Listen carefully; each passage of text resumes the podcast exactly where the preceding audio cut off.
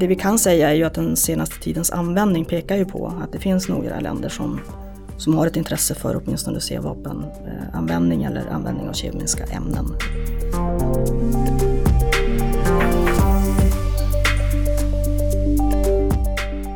Jag tror att det finns flera orsaker till att normen har försvagats under senare år. Framförallt ser vi ju naturligtvis en ökad användning av den här typen av ämnen.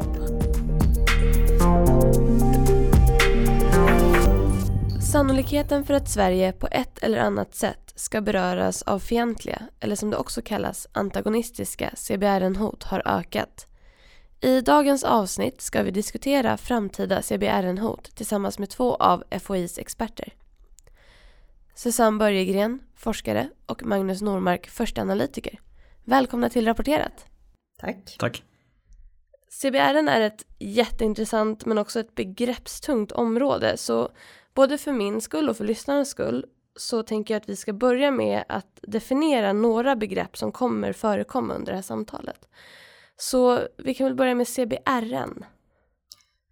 Ja, CBRN står för kemiska, biologiska, radiologiska och nukleära ämnen. Eh, men i de här sammanhangen som vi kommer att prata om så, eh, så tänker man sig sådana ämnen i kombination med att de kommer till skada på ett eller annat sätt.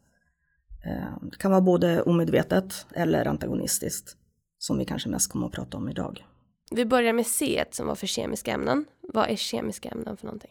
Kemiska ämnen är ju ett otroligt vitt eh, begrepp eh, och definitionen på det, ja det, är ju ett, det kan ju vara ett rent ämne eller molekyl, men, men just i det här sammanhanget så, så tänker vi mer på kemiska ämnen som kan skada.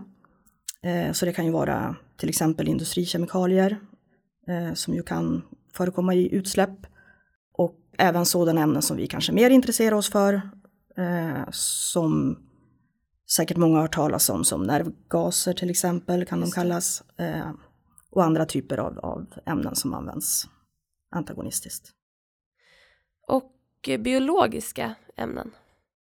Ja, det är också otroligt brett eh, begrepp. Eh, men här tänker vi ju i första hand på smittsamma ämnen som kan vara virus eller bakterier, eh, parasiter, sporer, sporbildande ämnen och, eh, och även toxiner brukar kunna befinna sig både på den biologiska och den kemiska sidan. För toxiner bildas ju ibland av bakterier till exempel. Men de kan också komma ifrån växter eller ormar eller så. Just det. Och sen till sist har vi radiologiska ämnen. Ja, radiologiska ämnen, det kan man kanske lite enkelt kalla strålande ämnen. Det är ämnen som sönderfaller och när de gör det så, så avges olika typer av strålning som kan vara skadlig. Och jag har ju läst på en hel del inför den här inspelningen och har märkt att man använder såväl begreppen kemiska ämnen som kemiska vapen eller biologiska ämnen och biologiska vapen. Vad är skillnaden på när det är ett ämne och när det är ett, ett vapen? Var, varför gör man den distinktionen? Ja, nej men ett vapen, då har man ju eh, på något sätt hanterat det så att det kan användas antagonistiskt. Eh, och här har vi också ett väldigt brett spektrum, men det enklaste är väl kanske om man tänker sig ett kemiskt ämne som man vill använda som ett vapen så placerar man det i ett vapensystem helt enkelt. Och då blir det ett kemiskt vapen. Det finns också en gråzon där, där man kan tänka sig att använda det småskaligt så man kan ha en, ja, det förekommer till exempel eh, paraplyn. Och då kallar man det kanske inte ett kemiskt vapen, men någon form, form av bärare har man ju ofta för att få ämnet dit man ska. Men ämnet, det är ju liksom den substansen som man använder sig av. Och i den här intervjun idag kommer vi ju främst prata om antagonistiskt användande av kemiska, biologiska och radiologiska ämnen. Eh, för den som är intresserad och vill eh, höra mer om kärnvapen så finns det ett sånt eh, avsnitt också som man kan hitta i vår kanal. Och de här ämnena, kemiska, biologiska och radiologiska, kommer vi referera till som CBR-ämnen eller CBR-vapen. Varför behöver vi forska på det här i Sverige? Den forskning som Susanne och jag eh, representerar eh, här på FOI, den, den, handlar ju väldigt mycket om att förstå aktörers intention och förmåga att använda den här typen av ämnen för att orsaka skada och negativa effekter i samhället. Och för den typen av forskning så finns det ett behov i termer av att ha en medvetenhet om aktörers intentioner förstås, eh, vilka metoder de kan tänkas använda, vilka ämnen som finns ehm, i samhället som kan vara aktuella i den här typen av sammanhang ehm, och vilka typer av mål de skulle vara intresserade av att slå mot med den här typen av vapen. Det här gäller ju naturligtvis både statliga aktörer och icke-statliga aktörer eh, när man pratar om hotbilden. Och eh, av de som framförallt är avnämare för det vi det vi gör är ju Eh, de som jobbar med brottsbekämpande verksamhet. Det kan vara regeringskansliet och det kan vara krisberedskapsmyndigheter i första hand.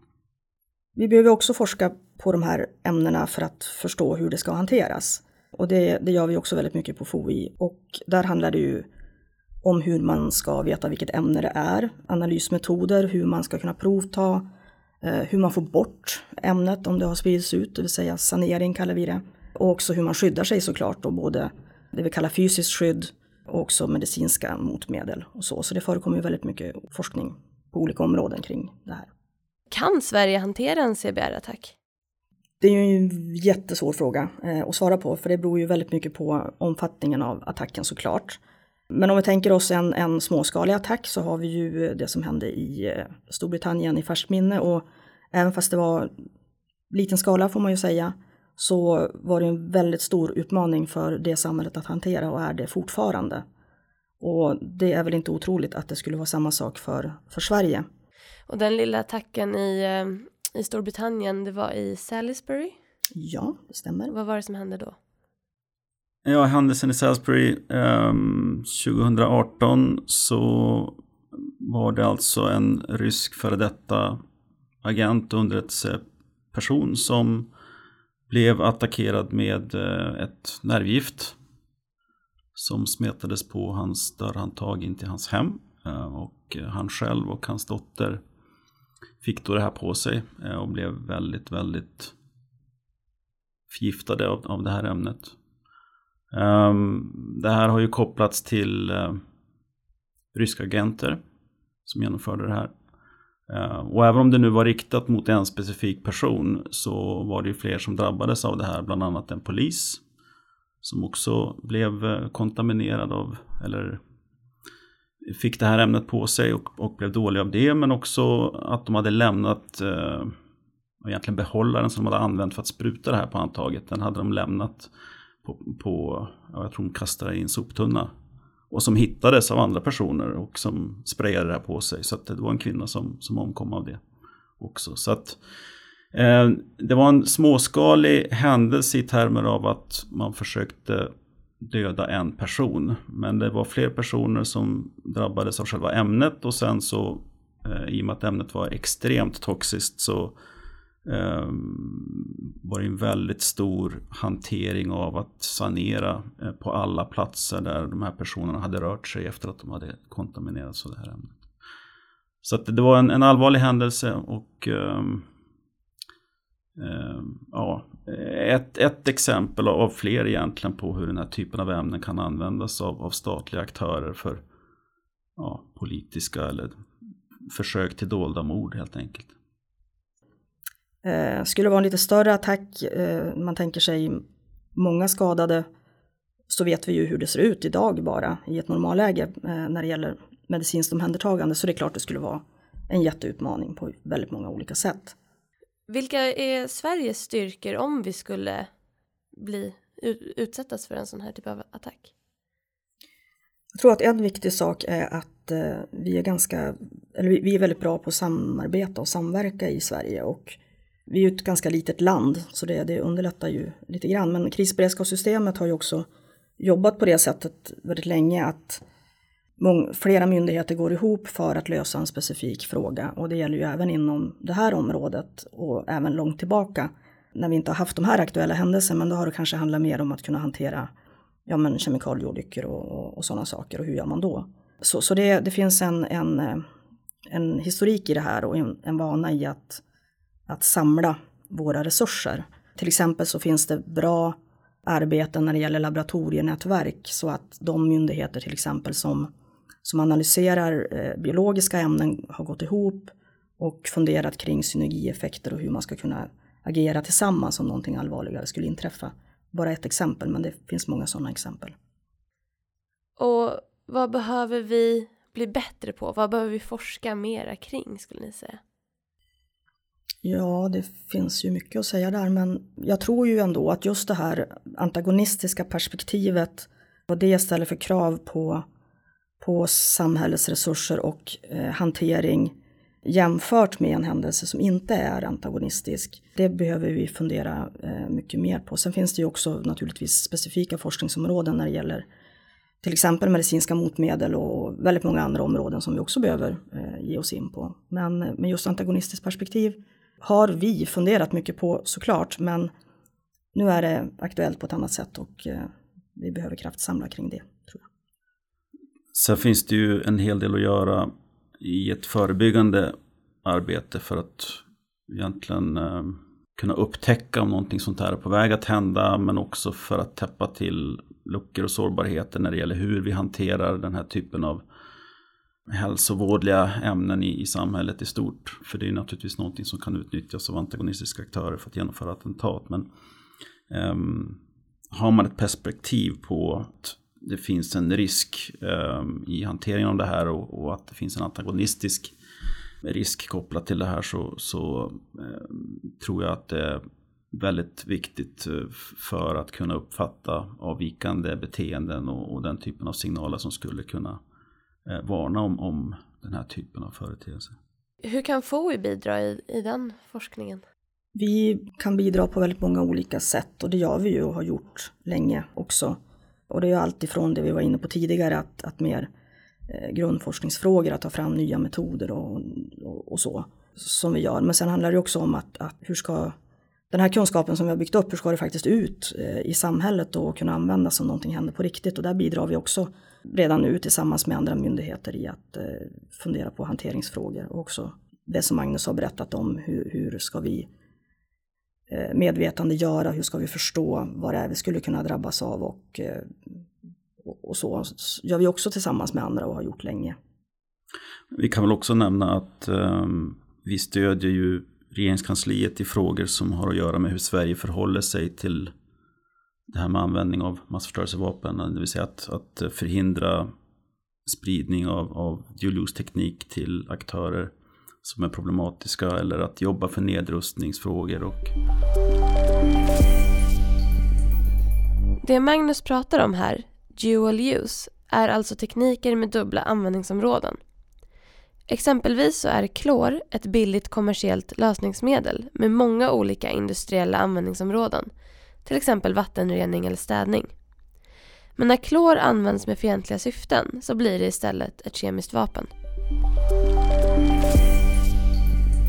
Kärnvapennedrustning inte minst, men, men också kopplat till BOC och eh, de mekanismer och resolutioner som finns inom det området. Eh, och det är framförallt genom UD då som det stödet går. Hur har användningen av CBR-vapen sett ut det senaste decenniet? Har ni några exempel på, utöver Salisbury som vi pratade om? Ja, men eh, Syrien är väl det som man kommer att tänka på först. Och där har det ju förekommit användning sedan ett fyra, fem år tillbaka. Har avtagit nu. Men där har det varit både användning av klorgas och eh, användning av sarin och det är den syriska regimen som har pekats ut för detta när det gäller sarin så, så är det ju ett fåtal händelser, men när det gäller klorgas så, så är det väldigt många händelser. Eh, så det har varit mycket där. Ja, eh, vi hade ju också ett, ett eh, mordförsök i Malaysia på Kuala Lumpurs flygplats för ett par år sedan. Där en person förgiftades med vad som sen visade sig vara en nervgas. Sen har vi ju naturligtvis sett eh, Islamiska staten eller Daesh i Syrien och Irak som har utvecklat ska säga, enklare former av, av, eh, av kemiska stridsmedel och även använt industrikemikalier för de attentat de har genomfört i området eh, under en period. Så, så, det, finns, det finns exempel på det här eh, och som sagt exempel på politiskt präglade mord eh, på den internationella arenan har ju förekommit tidigare även på 90-talet och även under 2000-talet här.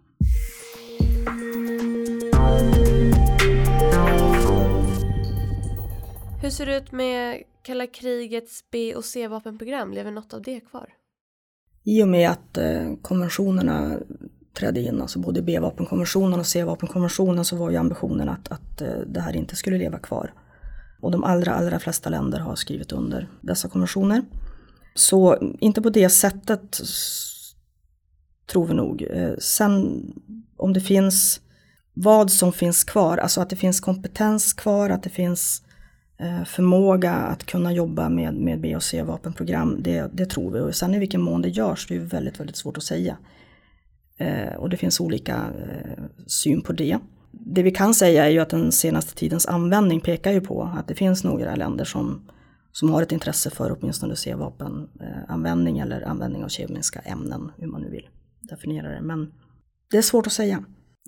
Det här är ett komplext område och inte minst därför att det finns väldigt mycket infrastruktur och kapacitet som används för civila ändamål som skulle kunna användas för att eh, initiera ett, ett offensivt program där man helt enkelt utvecklar den här typen av ämnen för att använda dem för, som ett vapen helt enkelt. Så att mycket hänger ju också på en, säga, en, en nations ledarskap eller, eller militära doktrin kring hur man förhåller sig till användningen av den här typen av vapen. Och det är väldigt svårt att säga utifrån infrastruktur som finns i landet huruvida de bedriver offensiv forskning eller inte. Jag tror också en sak som är värt att nämna är ju inkapaciterande ämnen. Och där finns ju en händelse som går en bit tillbaka i tiden, men 2002 så användes eh, det i eh, Moskva, Dubrovka-teatern. Vad är inkapaciterande ämnen för någonting? Ja, det är, det är en benämning för ämnen som, som helt enkelt gör att man blir inkapaciterad, att man inte kan, ja man ramlar ihop helt enkelt. Man brukar skilja det från tårgasliknande ämnen, att tårgaser gör att du springer iväg och inkapaciterande ämnen gör att du ramlar ihop. Okay. Eh, så det kan vara starka bedövningsmedel eller den typen av, av ämnen. Och det finns eh, ett intresse för sådana ämnen att till exempel användas i, i interna konflikter och som det fallet var då 2002 när det var en, en gisslansituation då som var väldigt allvarlig och de inte kom till rätta med. Sen var det ju väldigt många som, som dog i detta som inte alls hade att göra med eh, vilka som var förövare och inte. Så det är en väldigt farlig, det är en stor risktagning att använda sig av sådana här ämnen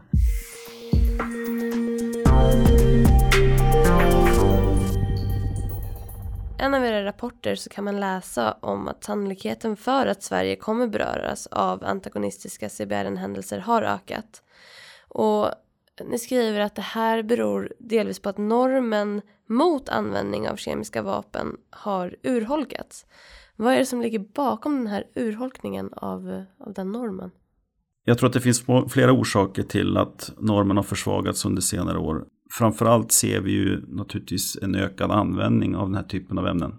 Av statliga aktörer framförallt. Och i sådana sammanhang där konsekvenserna för den som har använt de här ämnena inte har blivit så väldigt starka. Ett exempel är naturligtvis eh, den syriska regimen eh, i konflikten i Syrien. Där konsekvenserna för den syriska regimen inte har varit särskilt hård. Eh, dels därför att de har haft visst stöd från vissa länder.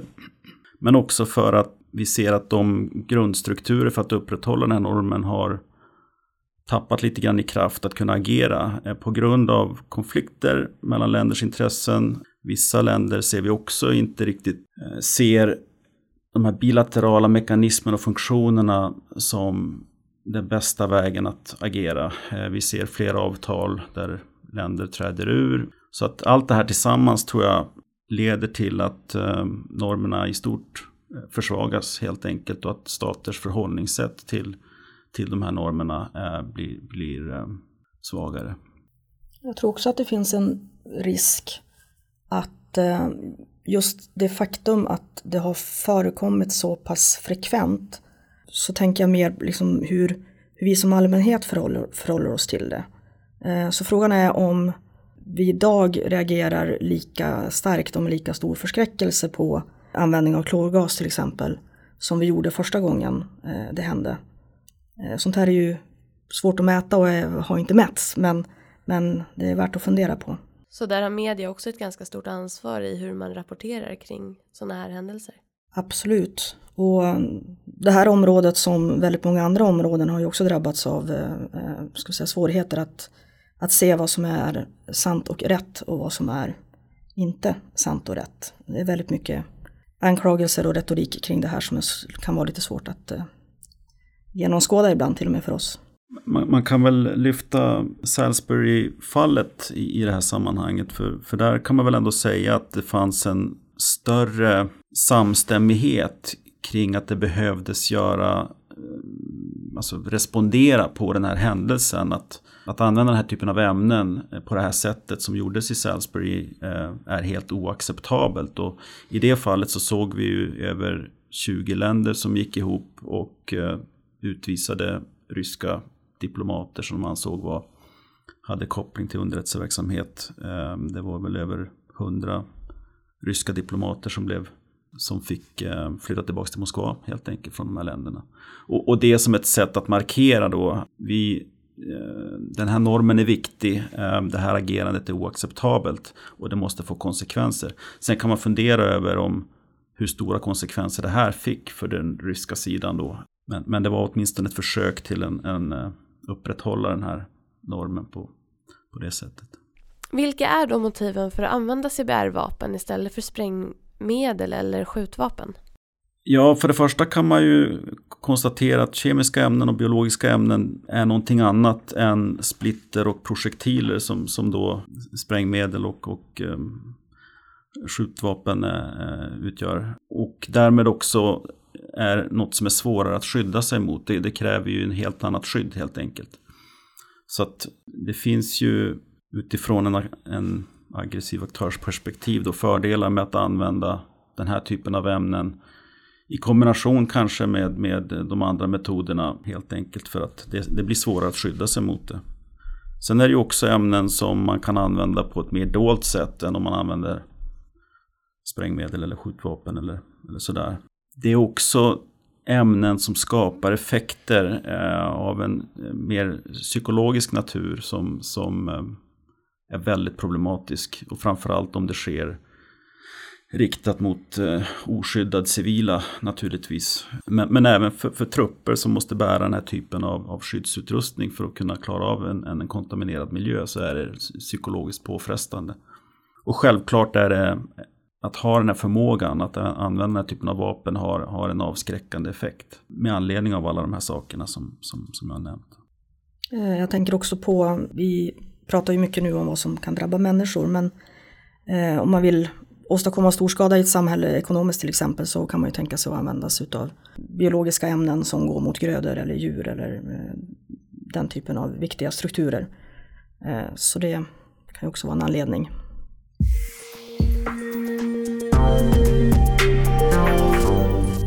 Det här området påverkas ju också mycket av teknikutvecklingen som sker inom olika områden i samhället. Exempelvis så blir listan på farliga ämnen som kan användas i antagonistiska syften längre och längre. Och samtidigt så får vi ju mer kunskap om hur vi ska avslöja de här eh, angreppen. Vilken eh, teknikutveckling har en direkt påverkan på CBR-området? Ja, det finns ju några områden som vi brukar bevaka lite extra noggrant och där har vi ju eh, bioteknologiutvecklingen. Eh, det finns ju nya genetiska metoder som gör det betydligt, eh, det går snabbare, det är billigare att, eh, att förändra genom till exempel. Man kan erhålla nya egenskaper och, och, så. Sen har vi också läkemedelsutvecklingen och där, där tänker vi kanske mer på just alltså kunskapen om hur människokroppen fungerar eh, gör ju också att man kan hitta nya mål så att säga för, för ämnen. Så det där får man ju också hålla lite koll på. Och just i själva läkemedelsutvecklingen så, så finns det också en risk att man snubblar över substanser som, som orsakar ganska stor skada och som om man tänker så skulle kunna användas på ett dåligt sätt. Det finns andra områden, vapenbärare till exempel, där brukar vi försöker vi också bevaka och där har ju drönare kommit upp på, på arenan som ett effektivt sätt att sprida ut saker. Men jag tror också att man ska komma ihåg att listan med saker som kan användas är ju faktiskt redan idag tillräckligt lång. Så varför skulle man vilja göra någonting ännu värre? Och det, en anledning kan ju vara att hitta någonting som det idag inte finns skydd mot, som det inte finns sätt att detektera och ta reda på vad det är och så. Så att visst kan det finnas anledning att utveckla. Vilka länder är det som har kemiska vapen eller CBR-vapen kanske vi ska prata om? Och vi var ju lite inne på det tidigare att eh, Eh, det finns liksom inte en, en färdig och verifierad lista på, på vilka länder som, som har eh, vare sig B eller C-vapen. Det finns anledning att tro att de länder som vi har nämnt tidigare har ett intresse för att använda eh, kemiska ämnen och vapen.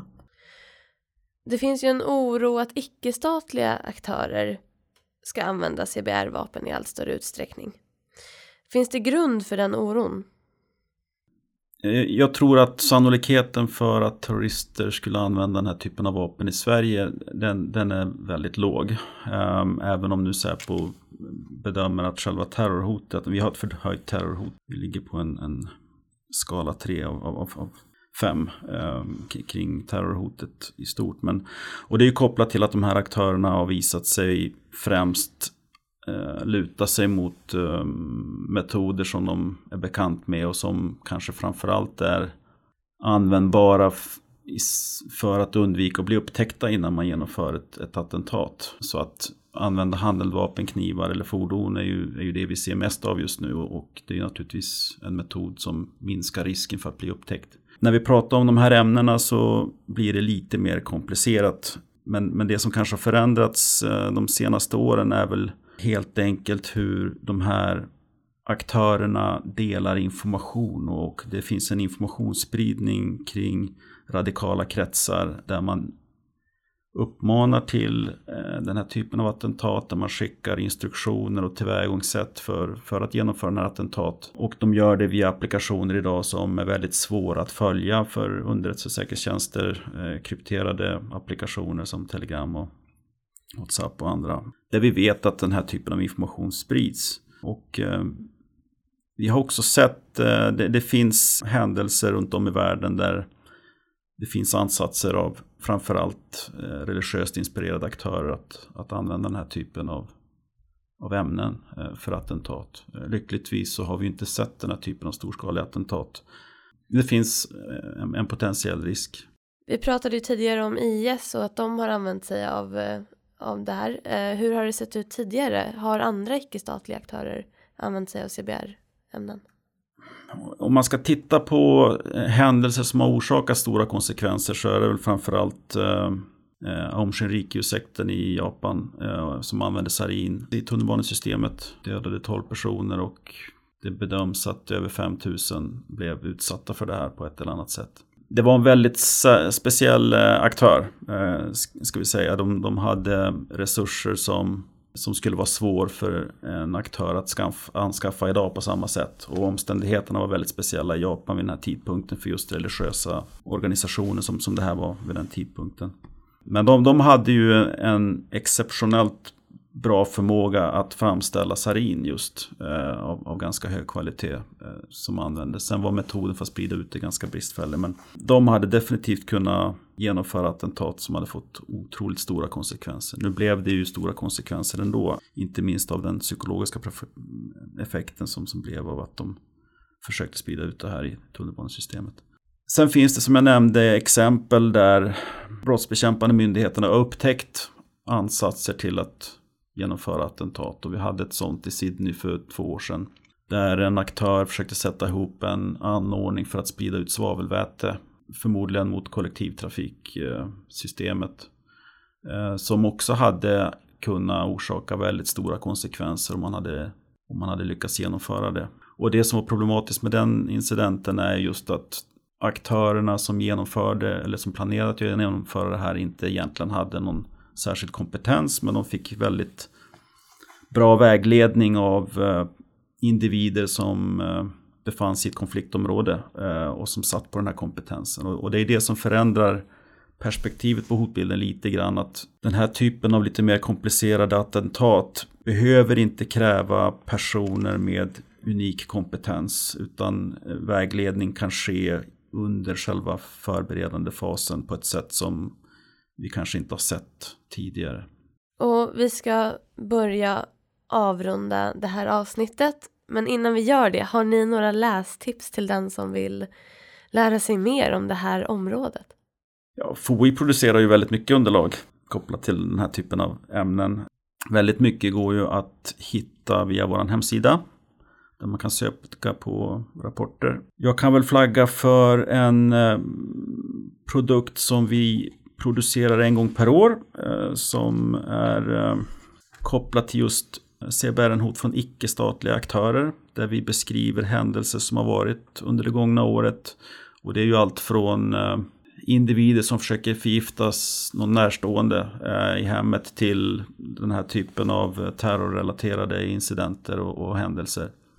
Ja, och jag kan väl flagga för då en ganska nyligen skriven rapport i alla fall som dessutom inte är så förfärligt lång och svårläst som vi gjorde på just temat framtida antagonistiska CBRN-hot.